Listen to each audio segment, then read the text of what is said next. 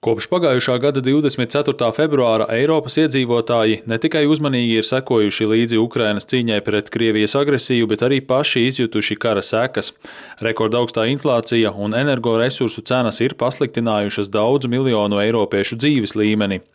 Bankas Luminor ekonomists Pēteris Strautiņš sarunā ar Latvijas radio sacīja, ka Krievijas karš Ukrainā radīja ļoti lielus satricinājumus, kuru atbalsis Eiropas iedzīvotāji ik pa laikam izjutīs vēl vairākus gadus, pat ja karš beigtos jau rīt. Karš sāsināja jau tobrīd ļoti aktuālo inflācijas problēmu. Bija pandēmija ar tās radīto pārmērīgo pieprasījumu pēc precēm, kas nu, piešķīla uguni tai inflācijai, un tad nāca šis karš, kurš krietni vēl turklāt pacēla cenu enerģijai, jo īpaši Eiropā. Arī SEB bankas ekonomists Dainis Gašpuitis norādīja, ka kara izraisītās lielākās ekonomiskās sekas ir enerģijas cenu kāpums un no tā izrietošā inflācija, ar kuru vēl nāksies cīnīties. Noteikti, ka mājasemniecības to vēl izjutīs ilgu laiku un būs sabiedrības grupas, kuru pirktspēja būs iedragāta un neatjaunosies vēl arī daudz ilgākā laika posmā. Tas ir viens tāds būtisks izaicinājums, kas zināmā mērā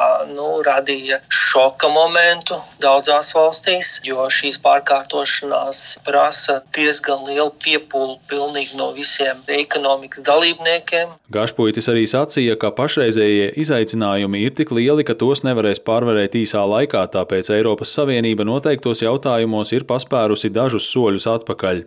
Respektīvi, īstenojot zaļo kursu, mēs esam bijuši spiesti iedarbināt arī Eiropā daudzas šīs ogļu stacijas, kas varbūt nav bijis tāds plānots pasākums, bet pilnīgi noteikti, ka tas viss rada nu, tādus arī daudzus jautājumus par daudzu nozaru nākotni, jo mēs redzam, ka enerģijas jautājums ir bijis viens no tiem, kas ir būtiski pasliktinājis Eiropas kā reģiona konkurētspēju.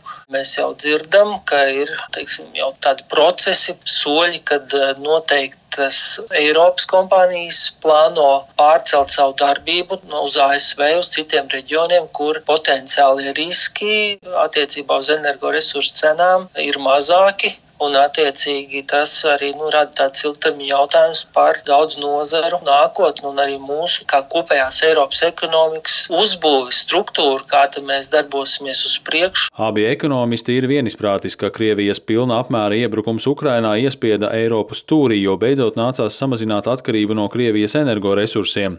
Strautiņš uzskata, ka tādējādi Eiropa izvairījās no vēl lielākas atkarības. Šī kara sākšanās pasargāja Eiropu no tā, ka tā, tā teikt, iebāzt kaklu vēl dziļāk cilpā. Jo, nu, kā zināms, bija praktiski pabeigts Nord Stream 2. Ja karš sācies būt vēlāk, pat tikai gadu vai divus gadus vēlāk, tad uh, Eiropas atkarība no Krievijas gāzes un arī līdz ar to iespēja ar uh, Eiropu politiski manipulēt būtu vēl lielāka. Eiropas Savienība Ukrainai līdz šim ir sniegusi militāro palīdzību vairāk nekā 3,6 miljārdu eiro vērtībā, bet bažās par plašāku Krievijas militāro agresiju daudzas Eiropas valstis ir nolēmušas ievērojami palielināt palielināt ieguldījumus savā aizsardzībā.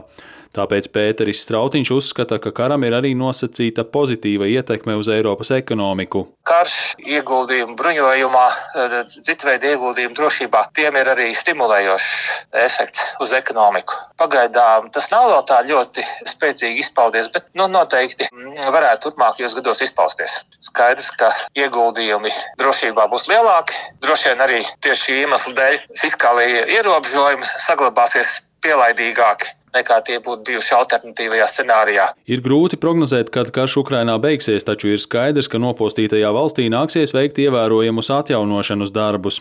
Pasaules banka lēš, ka Ukrainas atjaunošanai būs nepieciešami aptuveni 600 miljardi eiro.